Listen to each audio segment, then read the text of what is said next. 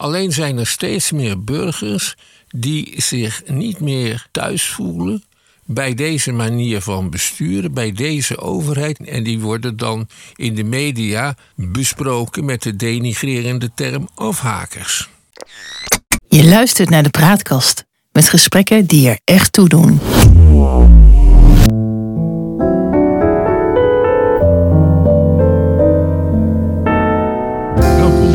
Praatkast.nl. Dit is een aflevering van het Geheugenpaleis. Mijn naam is Joep Nieri en samen met Han van der Horst maken we deze podcast.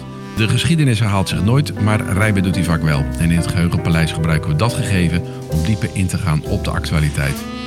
Om zo te ontkomen aan de waan van de dag en om te komen tot de kern van het nieuws. Rutte die krijgt de laatste tijd van links en rechts van langs. Hij kan weinig meer goed doen en eh, is blijkbaar de bron van alle kwaad. En alsof de premier de enige verantwoordelijk is eh, voor het kabinetsbeleid. Dat verbaast mij een beetje. Han, hoe zie jij dat? Uh, ja, aan de ene kant is dat formeel zo, maar in de praktijk heeft de minister-president een soort verantwoordelijkheid over het totale beleid. Dat heeft hij sinds een grondwetswijzigingetje in 1988 en een, ja. het reglement van de ministerraad uit 1994. Nee, ik zeg het verkeerd, 19. 94. Toen zijn, uh, is een situatie die in een lange periode was gegroeid, eigenlijk geformaliseerd. Ja. En dat maakt van de minister-president toch een beetje, een beetje een leider van het hele kabinet. En hij is het oliemannetje, uh, maar hij is ook de loodgieter die bij overstromingen soms moet komen om een ramp te voorkomen. Ja. Want wat eigenlijk ligt in de grondwet gewoon volgens mij vast dat elke minister verantwoordelijk is voor zijn departement. Dus ja. dan zou je toch verwachten dat als het gaat over zo'n gasenquête, dat Rob Jetten uh, in de Tweede Kamer zou kunnen staan. En dan zou hij zelfs kunnen aftreden voor iets wat een vorige minister heeft gedaan, bij wijze van spreken. Uh, dat is, zoals jij nu spreekt, geheel in de geest van uh, Johan Rudolf Thorbecke, de grondvester eigenlijk wel van ons uh, constitutionele stelsel. Ja. Die heeft drie keer een regering gevormd. En daarin was hij ja, de meest opvallende minister. Maar hij vond tegelijkertijd dat zijn collega's hun eigen beleid moesten verdedigen. En als ze in de problemen kwamen, dan wachtte Thorbecke rustig af. En als zij dan zo in de problemen kwamen dat zij moesten aftreden, dan was dat hun probleem. Ja, maar dat was dus in een, in een tijd dat, dat eigenlijk een, een, een minister die was verantwoordelijk voor het uh, beleid. En, en de andere ministers hadden daar wat minder mee te maken. Het was meer solistisch, moet ik dat zo zien? Ja, aan de andere kant werkten ze natuurlijk toch in een team samen. En ja. de ministers vormden een min of meer homogeen gezelschap. Ze dachten in dezelfde richting. Ja. Nou, we hebben natuurlijk wel een heel ander stelsel dan uh, een aantal landen uh, om ons heen. Uh, ik denk aan Frankrijk, Engeland en de Verenigde Staten. Daar is de president, de minister, ja, de president heeft eigenlijk een hele andere rol. Want die is ook staatshoofd, maar die leidt ook de regering. Kan je dat eens proberen uit te leggen? Ja, uh, je kent het beroemde beginsel van de trias politica. Ja. Uh, opgesteld door een, een, Franse geleerde, Montesquieu, al in de 18e eeuw. En die zei dat in een uh, systeem waar tirannie niet mogelijk was, de uitvoerende macht, de wetgevende macht en de rechterlijke macht gescheiden en onafhankelijk waren. En als je een presidentieel systeem hebt, dan is er sprake van een heel radicale scheiding van machten.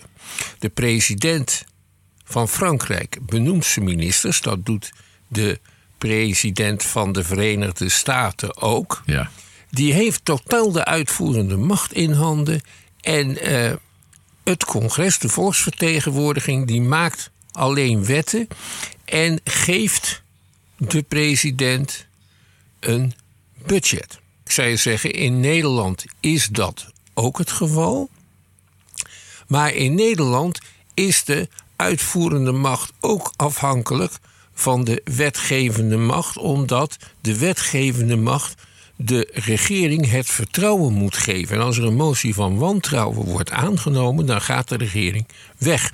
Dat gebeurt met de president van Frankrijk of de president van de Verenigde Staten niet. Hè? Dat is ook een tijdje geleden gebeurd met de congresverkiezingen in de Verenigde Staten. President Biden heeft toen zijn meerderheid verloren in het uh, Amerikaanse parlement, in het congres, aan de Republikeinen. Ja. En dat betekent dat hij in zijn bevoegdheden beperkt is, omdat zij, dat hij geen maatregelen kan doorvoeren die de Republikeinen afstemmen. Ja. Maar ten val kan hij, is hij niet gebracht. En dat is natuurlijk wel fundamenteel anders met het, uh, het Nederlandse uh, systeem. Ja. Uh, dus je zou kunnen zeggen in Amerika en Engeland en, en, en in, in Frankrijk, daar is, daar is zeg maar ja, de president echt de baas. En dat, dat, dat geldt hier niet. Want hier, je, zei net, je zei net Engeland. Ja. In Engeland is de regering, de leden van de regering zijn tevens lid van het parlement. Dat is een soort commissie uit het parlement. En er is een prime minister, een premier, die is aangewezen door de koning en die kiest zijn ministers, maar moet ze uit het parlement halen. Ja. Het komt ook een enkel keertje wel eens voor dat de minister moet aftreden, omdat hij bij een tussentijdse verkiezing zijn parlementszetel verliest. en daar is dan geen lieve moeder helpt daaraan. Dat kennen we eigenlijk alleen maar in de gemeenteraad, hè? dat uh, gemeenteraadsleden ook. Uh, wethouder konden worden. Ja, en dat, is, was dat, vroeger. Ja, maar dat is, dat is weer aangepast om dat meer duaal te maken. Ja, en dat heeft niet erg geholpen. Nee, het is nog veel erger geworden in die gemeente. Maar goed, laten we even tot het onderwerp ons beperken.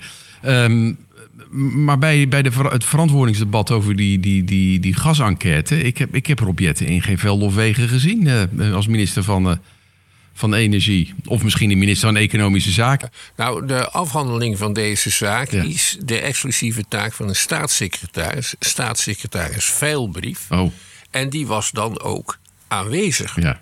En staatssecretaris Veilbrief is in staat op de juiste momenten tranen te storten en empathie te tonen. Ja, dat is Daardoor man, heeft hij het vertrouwen van de Groningers, althans dat beweren de media. Ja. Maar Rutte ja. heeft dat vertrouwen niet. We zien dat de premier in dat debat de hoofdrol heeft gespeeld. Hij heeft verreweg, is verreweg het langst aan het woord gebleven. Ja. Uh, dat heeft ook met zijn, eh, met zijn stijl te maken. En hij draagt dan ook de last van de kritiek die er um, is naar voren gebracht door de oppositie in het parlement met de actieve instemming van de Groningse slachtoffers op de publieke tribune. Maar omdat de minister-president zeker is van de meerderheid in het parlement, hoefde hij zich nergens zorgen over te maken. Het had weer veel van een ritueel.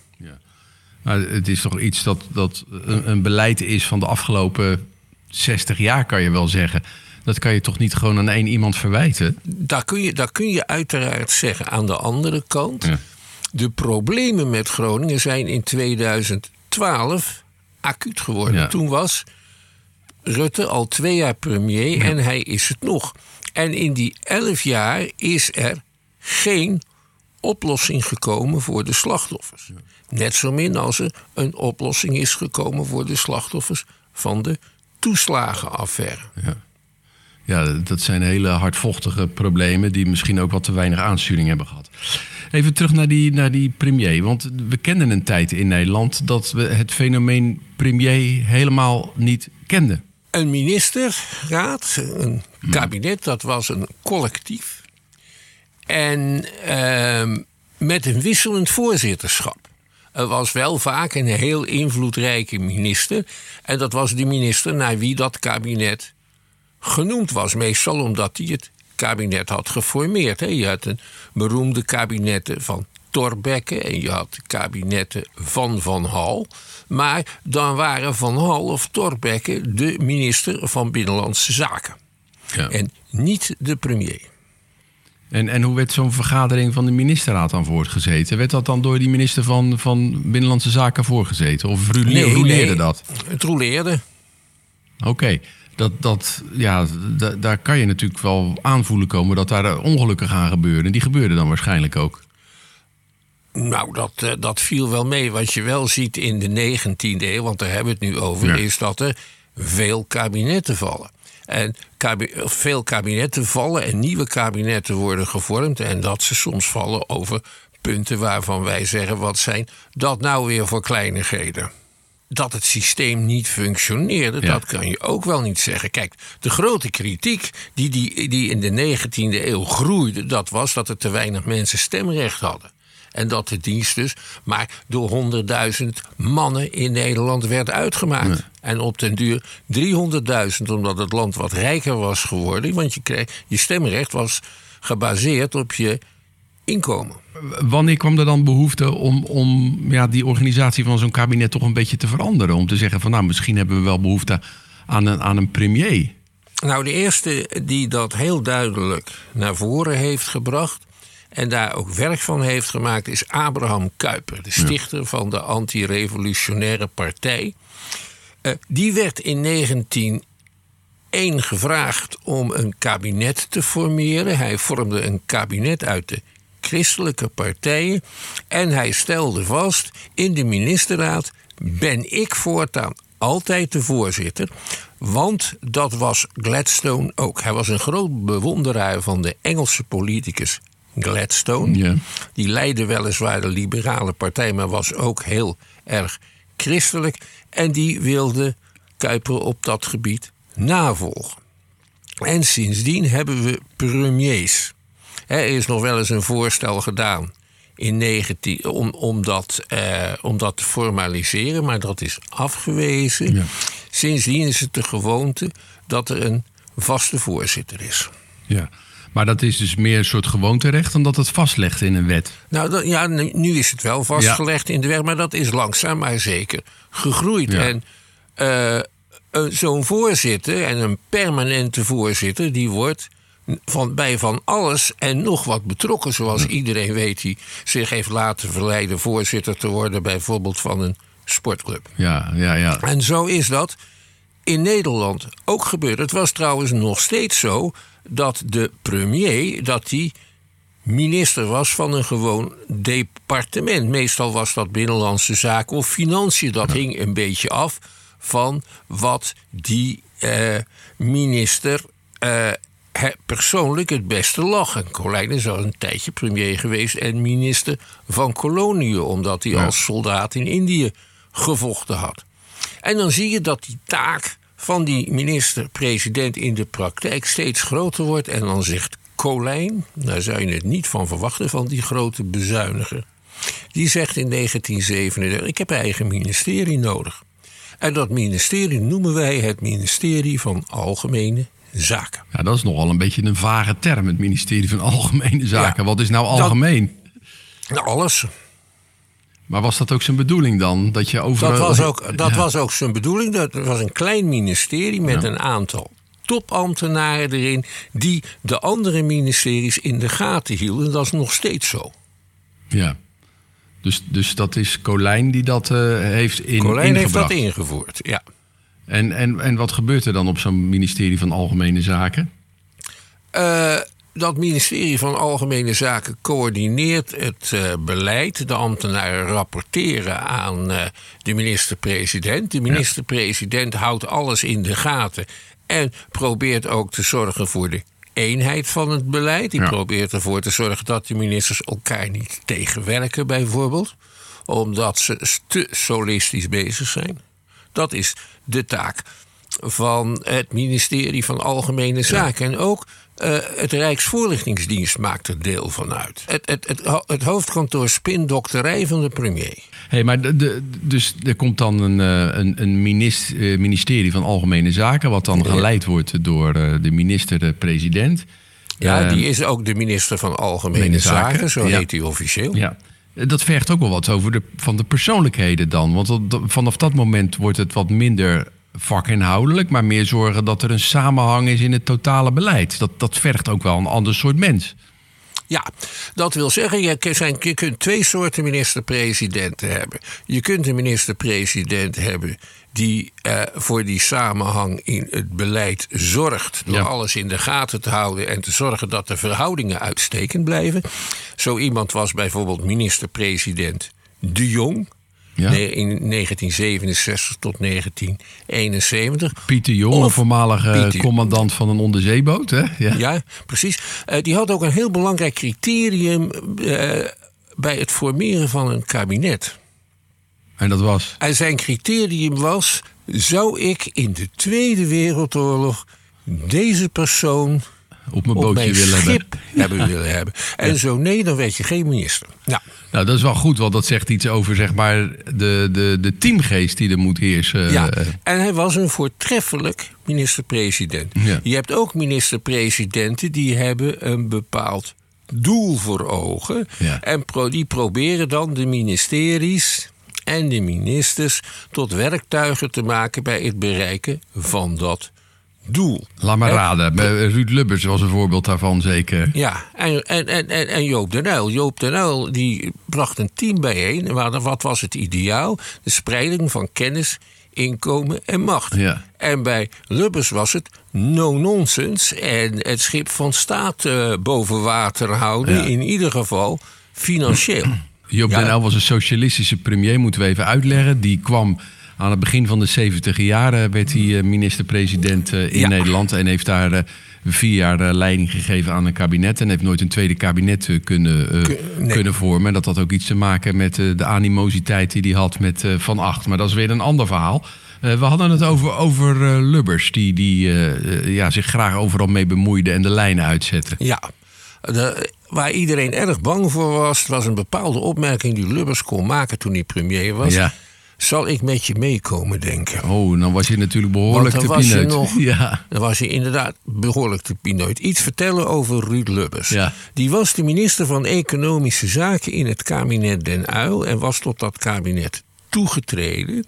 omdat hij een linkse reputatie had. Hij was eh, voorzitter van de jonge katholieke werkgevers... was bovendien hoogtepaard bij het familiebedrijf eh, Hollandia Ja, bestaat nog steeds. En eh, hij had, net als Den Uyl trouwens, een enorme hekel aan Van Acht. Hij vond Van Acht namelijk een luie persoonlijkheid en een non-valeur. Terwijl eh, Lubbers eh, een scherp beeld had van waar hij naartoe wilde. Ja. Maar dat komt misschien, heeft ook iets te maken met het feit... want van, na, na Den Uyl kregen we Van Acht... En na Van Acht kregen we eh, Lubbers. Maar dat had misschien ook iets te maken met dat Van Acht... de staatsfinanciën danig uit de hand had laten lopen Ja. in die jaren. Den Uyl wordt altijd ervan beschuldigd dat hij te veel geld heeft uitgegeven. Ja. Eh, dat was niet het geval. Dat is gedaan door eh, Van Acht en zijn minister van Binnenlandse Zaken en vicepremier Hans Wiegel. Want die hadden maar een heel kleine meerderheid met hun CDA-VVD-coalitie. En zij kochten oppositie af met concessies. En die oppositie kwam vanuit het CDA. Daar zaten een aantal eh, Loyalisten? Kamerleden Ja. in, loyalisten noemden Ja. ze die, die eigenlijk wilden dat het beleid van Den Uyl moest worden voortgezet. En die hielden bezuinigingen tegen. Maar goed, die liepen die, die eh, financiën uit de klauwen. En toen moest Lubbers, die heeft toen samen met Ruding de tering naar de nering gezet. Maar dat, wel, dat- ja. dat was de bedoeling. Dat heeft natuurlijk jaren geduurd. Eh, maar, maar vertel eens wat over zijn stijl dan. Hij kon, net als Den Uyl trouwens, maar beter op een bepaalde onduidelijke manier praten. En dan aan het eind ontstond er een situatie waarin wat hij wilde ook gebeurde. Ja. En hij stond ook bekend als een doener. Hij heeft de verkiezingen van 1986 gewonnen met de leuze... laat Lubbers zijn karwei afmaken. Ja. En dat paste heel erg bij die persoonlijkheid. En hij heeft drie kabinetten geleid. Ja. En een laatste kabinet was een kabinet waarin de PVDA de partner was. De VVD had Lubbers aan de dijk gezet. Eh, de PvdA heeft toen zich erg laten leiden door de wensen van, uh, van Lubbers. Kok was zijn zuinige minister van Financiën. En daarna is Kok zelf premier geworden in twee paarse kabinetten. En ik die gelden als de meest succesvolle kabinetten na die van de wederopbouw. Ja. Daar denkt eh, Pim Fortuyn dacht daar heel anders over. En een hele hoop andere mensen ook nog. Maar goed, de geschiedenis zal daar uiteindelijk over moeten oordelen. Um, maar Kok die had ook de naam uh, dat hij eigenlijk nooit ergens een standpunt over innam. Maar altijd luisterde wat er, wat er, wat er gezegd werd in de, in de vergadering. En dan uiteindelijk op basis daarvan tot een soort conclusie kwam. Ja, en bovendien uh, kon hij erg chagrijnig reageren als dit allemaal te lang duurde. ja, dat was geen groot feestnummer, geloof ik. Hè? Nee, het was geen, geen Prins Carnaval. Nee, maar dat was, was, was dat dan eigenlijk toch een soort uh, president, minister-president in de geest van, van Ruud Lubbers? Heeft hij dat eigenlijk voortgezet? Toch, ja, toch wel. Ja. Toch wel. Uh, hij heeft ook allerlei ideologische toespraken gehouden. Hè, Die meestal geschreven werden trouwens door uh, Bram Peper. Ja. Ja, die was, de latere dat was burgemeester van Rotterdam. Ja, die was meer het intellectuele brein van de partij dan. Uh, ja. En, en, Lub, oh, en Kok was de voorman. Nou ja, naar Kok kregen we volgens mij... Uh, wie kregen we daarna? Uh, was dat die Balkenende? Dat was Balkenende. Die ja. heeft niet zo verschrikkelijk veel indruk gemaakt. Maar die kwam uit het niets. Gemeenteraadslid geweest in Amstelveen. Uh, docent in de christelijke sociale gedachte, geloof ik, aan de Vrije Universiteit. Ja. Kamerlid. En die kwam ineens naar voren als uh, partijleider en, uh, en als premier. En die heeft geprobeerd de fatsoenlijke burgerman uit te hangen. Ja. Nou, dat, dat, was hij natuurlijk ook op alle manieren. Maar uh, ja, daarbij kan je een land toch niet leiden, alleen maar. Met alleen maar de fatsoenlijkheid. Dat is geen pleidooi voor onfatsoenlijkheid trouwens, maar... Fatsoen moet je doen, was Ja, precies, ja. Maar, maar wat, wat, wat, wat voor signatuur had hij dan? Wat voor, wat voor stijl had hij in zijn kabinet? Ja, een, een, beetje, een, een, beetje onduidelijk. Had iets vaag jongensachtigs. Ja. Ook iets, uh, iets vrooms. Hij kon net als de Lubbers samenwerken, zowel met de VVD als met de PVDA. Hoewel die bekend, hoewel hij een buitengewoon, een buitengewoon groot conflict heeft gekregen met de toenmalige leider van de PVDA, Wouter Bos. Ja, die twee gereformeerde uh, jongens die tegenover elkaar komen te staan. Kijk, zo'n zo'n Lubbers die drukte zelf een stempel. Die Kok was ook een, een man van statuur en, en een persoonlijkheid. Was het eigenlijk niet zo dat die Balkenende meer een soort marionet was van, van de machinaties van dat ah, CDA? Wat geleid werd door misschien mensen als een Jack de Vries, maar ook een, uh, een Piet Hein Donner en dat soort figuren. Ik denk niet dat je dat zo kunt zeggen, want dan onderschat je hem. Ja. Kijk, uh, Balkenende heeft op de winkel gepast. Netjes. Nou ja, en onze foute oorlog ingevoerd. Uh, ja, in dat kader, in dat kader ontstaan, er, uh, ontstaan er domheden en maak je fouten. Maar hij heeft wel geprobeerd dat netjes te doen. Maar ik vind het een, eigenlijk is een nogal kleurloze uh, minister-president. En ik vind het trouwens zo knap dat hij zich zo lang heeft gehandhaafd. En ja.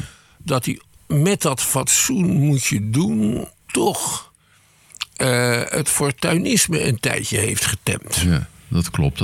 Dat zou dan zijn verdienste kunnen zijn eigenlijk. Want ik herinner mij ook nog op de televisie te hebben gezien hoe het eerste kabinet van Balken en ja. daarin zaten ministers van de LPF. En dat uh, dat zootje ongeregeld. Ja. ja. bovenaan de trap staande, ja. met de camera's erbij, die ministers door Balkenende werden ontslagen. Want daar kwam het wel op neer. Ja, ja, ja, ja. ja, ja. Nee, dat was uh, heel dramatisch. Uh, allemaal. Dat was een hele dramatische periode in de uh, politieke geschiedenis. Maar goed, na Balkenende krijgen we eigenlijk onze eh, huidige premier Rutte, die nu al, Ja. wat is het, 12, 13 jaar eh, aan eh, de macht is. Er zijn hele volkstammen die zijn met hem opgegroeid. Mijn, eh, mijn, mijn zoon kent niet anders dan dat Lubbers, of eh, dat eh, Rutte eh, premier is eh, geweest. eh. Eh, de langstzittende premier uit de Nederlandse geschiedenis. En iemand die zich bewust als een beetje kleurloos presenteert. Hij zegt voor visie moet je naar de opticien. Maar hij heeft wel duidelijk, wel duidelijk eh, visies en een heel duidelijk standpunt en ook een heel duidelijke doelstelling. Hij wil een samenleving die bestaat uit zelfredzame individuen. Ja. En hij wil alles elimineren wat mensen in zijn optiek hindert om zelfredzaam te worden. Dus hij heeft wel degelijk een visie en hij heeft wel degelijk een plan. En dat element kom je zeer krachtig tegen in al zijn kabinetten, ondanks de partners die hij voor het realiseren van dat beleid kiest. Want hij kon het met het CDA, hij kon het met de PvdA, hij kan het met de ChristenUnie en hij kan het met D66. En tot nog toe is hij er bovendien ook altijd ingeslaagd om eh, de kritiek af te wentelen op zijn coalitiepartners en niet op hemzelf en zijn eigen partij. Ja, dat is dan de verdienste die hij heeft. Wat zou je verder over zijn, zijn stijl van leidinggeven kunnen zeggen? Hij houdt niet van verrassingen. Ja, en wat betekent dat, Dat dan? wil, dat wil zeggen, alles is tot in de puntjes voorbereid. Eh, is voorgekookt op het moment dat het tot besluitvorming komt en tot debatten in de Tweede Kamer, ligt de meerderheid al vast. Dat zijn zijn gedisciplineerde coalitiegenoten die altijd met Rutte meestemmen. En helemaal is het goed, wat Rutte betreft, als die ook nog in het maatschappelijk middenveld bij eh, lobbyorganisaties en belangenorganisaties een ehm, soort consensus heeft geregeld. Hè. Dat zie je bij het klimaatbeleid. Dat is in hoge mate gebaseerd op iets wat vertegenwoordigers van deelbelangen samen hebben afgesproken. En we zien ook nu dat hij probeert zijn minister van Landbouw dat te laten organiseren rond het stikstofprobleem. En dat gaat moeilijker omdat de boeren hardnekkig zijn en het spel niet willen meespelen, althans voor een gedeelte niet. En je zou het ook kunnen zeggen ten aanzien van het hele pensioendossier dat hij die weg is eh, gegaan. Ja. Maar is dat niet wat, wat in deze tijd, waar toch heel veel polarisatie is, ja, juist heel belangrijk is, is dat je die verschillende groepen bij elkaar brengt en op een ouderwetse manier eh, probeert tot een polderende oplossing te komen? Ja, alleen zijn er steeds meer burgers die zich niet meer thuis voelen Ja. bij deze manier van besturen, bij deze overheid, maar ook bij deze belangenorganisaties, waarbij je dan moet denken aan vakbonden Ja. of middenstandsverenigingen, werkgeversorganisaties. Ook daarin is het vertrouwen bij een groeiend deel van de bevolking klein. En die worden dan in de media besproken met de denigrerende term afhakers. Ja, Dat zijn mensen die het spel niet meer meespelen. ja. En, en die weet hij dus niet te binden aan, eh, aan het beleid. Nee. En die groep die wordt steeds groter. En daardoor door, ja, gaat hij eigenlijk momentum verliezen, zou je kunnen zeggen. Ja, en ik denk dat hij nu gaat proberen de BBB in dit systeem op te nemen. ja. Hij gaat kijken in hoeverre Caroline van der Plas zich laat temmen. En dat kan ertoe leiden dat zijn positie wordt versterkt terwijl Caroline van der Plas wordt afgerekend. En dat kan op twee manieren gebeuren: door de kiezers of eh, door weglopers in eh, allerlei provinciale statenvergaderingen. Maar dat Maar- is het volgende. het Ja, volgende maar, luister, die, die Caroline van der Plas, iedereen doet voorkomen alsof zij een soort overwegende meerderheid in, heeft in de Tweede Kamer. Maar dat, en, of, en, en in, in het land. Maar volgens mij, eh, bij de laatste verkiezingen is ze misschien wel de grootste partij geworden. Maar eh, een aantal andere partijen bij elkaar die kunnen een coalitie vormen die groter is dan zij. Het is toch niet zo dat zij representeert wat het hele Nederlandse volk denkt. Wat is dat nou voor flauwekul? Nee, nee maar zij, zij is wel een uh, van de representanten van die afhakers. Ja. In hoeverre ze. eh, de afhakers zijn vaak verraden hè, door populistische leiders Ja. die eh, zich bij hem proberen in te likken.